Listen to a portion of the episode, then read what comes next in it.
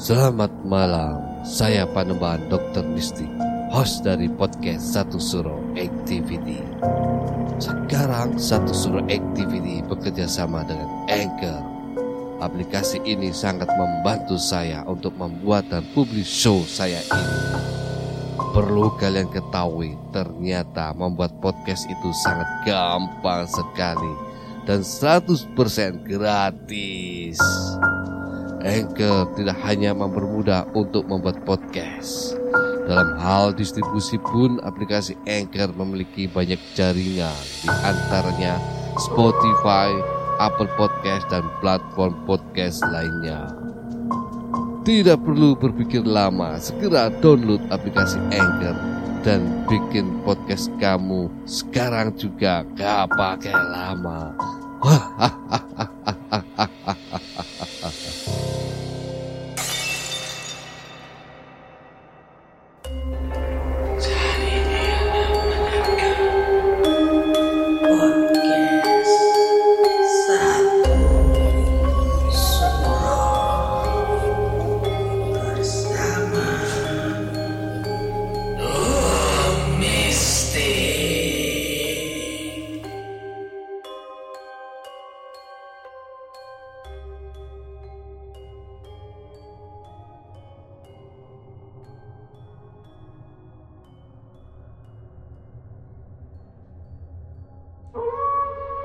Assalamualaikum warahmatullahi wabarakatuh.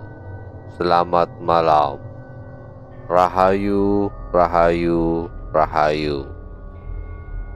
Para pendengar satu suro activity. Saya Panembahan Dokter Mistik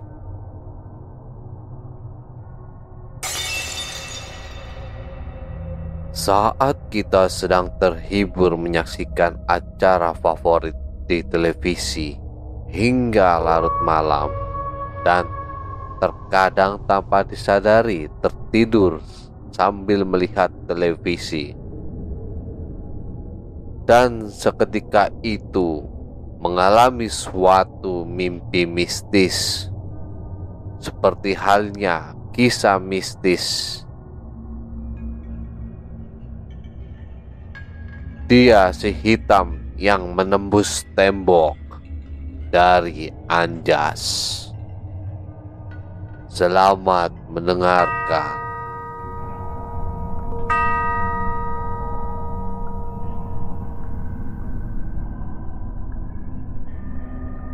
Kejadian ini saya alami sendiri. Ya, saya sendiri. Tiada siapa pun di sisi seperti malam-malam biasa, saya yang tidak bisa tidur di waktu yang lebih awal ini sedang asik-asiknya menonton pertandingan sepak bola di televisi. Yang di mana saat itu waktu menunjukkan pukul 11 malam waktu Indonesia Barat. Bagi penonton sepak bola, pasti pernah merasakan jenuh. Dikala kedua tim tidak ada yang memasukkan bola ke gawang musuh. Dan tidak terjadi satu gol pun dalam babak pertama. Saat itu yang membuat saya bosan dan mengantuk pada akhirnya dan akhirnya saya pun tertidur. Di saat saya masih terjaga, memang keadaan menggunakan selimut untuk menutupi setengah badan saya. Dan anehnya, ketika saya bermimpi pun sama persis seperti waktu terjaga dari bentuk tidur dan selimut yang setengah badan tadi. Beberapa menit pertama tidak ada yang aneh di mimpi itu.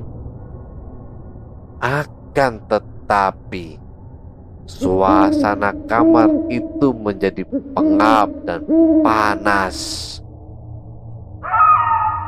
Di beberapa menit kemudian, tiba-tiba rasa takut yang begitu hebat seolah mendekat. Rasa yang belum pernah saya alami di mimpi-mimpi sebelumnya. Di mimpi itu, bahkan saya menutup muka menggunakan selimut karena rasa takut yang sangat takut. Dan benar saja, rasa takut saya terbukti nyata ketika membuka selimut yang menutupi muka. Ada sesosok makhluk yang bentuknya tidak bisa tergambarkan oleh saya. Dia terpampang jelas di depan mata, seolah-olah ingin menyapa. Dengan bentuk seperti itu, manusia mana yang ingin menegur sapa dengan dia? Raut wajah urakan hitam legam.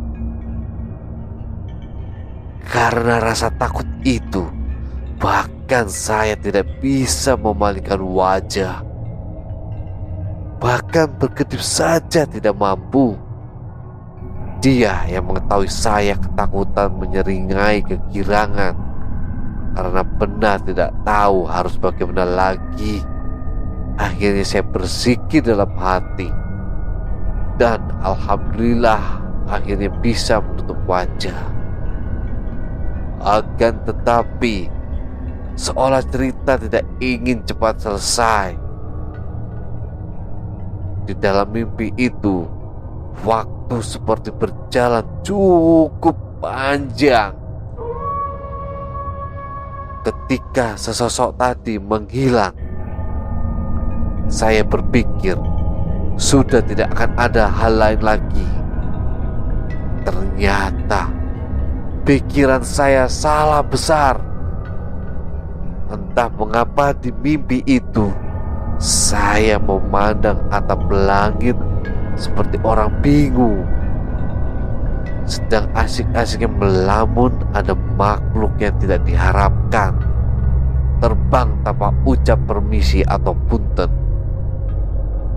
Dia menembus tembok dari sisi kanan ke sisi kiri.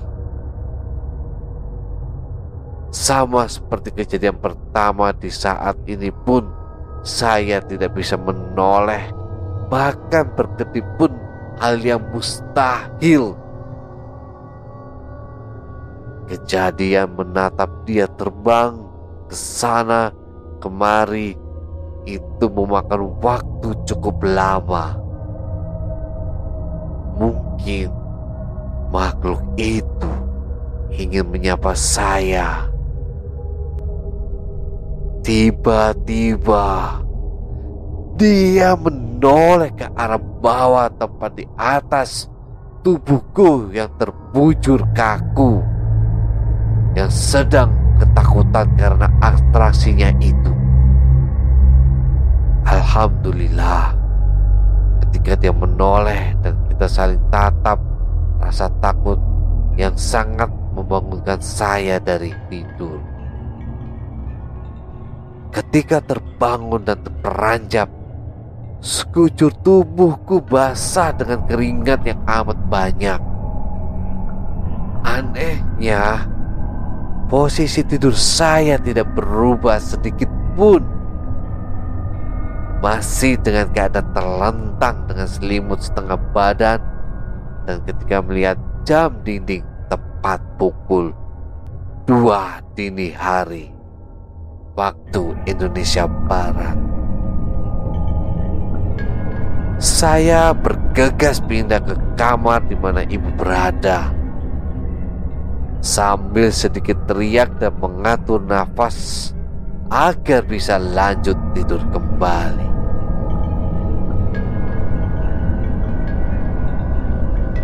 Para pendengar satu surah activity, itulah tadi kisah dia si hitam yang menembus tembok dari Anjas.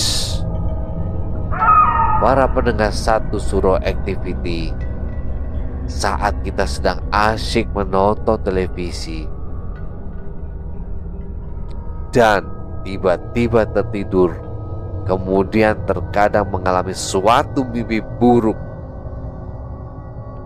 yang membuat kita bisa seperti ketindihan, nafas berat, nafas menjadi ngos-ngosan, nafas menjadi sesak, dan begitu kita tersadar dan bangun membuat tubuh kita menjadi kaku, berat, dan mengeluarkan banyak keringat.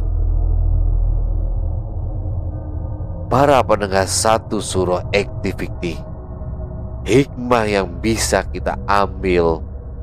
Hendaknya jika kita sudah merasa mengantuk dan letih, hendaknya kita segera beristirahat dan mengucapkan doa agar para jin-jin jahat, setan-setan tidak mengganggu saat kita sedang tidur. para pendengar satu surah activity. Mohon dukungannya agar kami tetap bisa gentayangan dengan cara komentar di kolom komentar, subscribe, like, dan bunyikan lonceng ramah.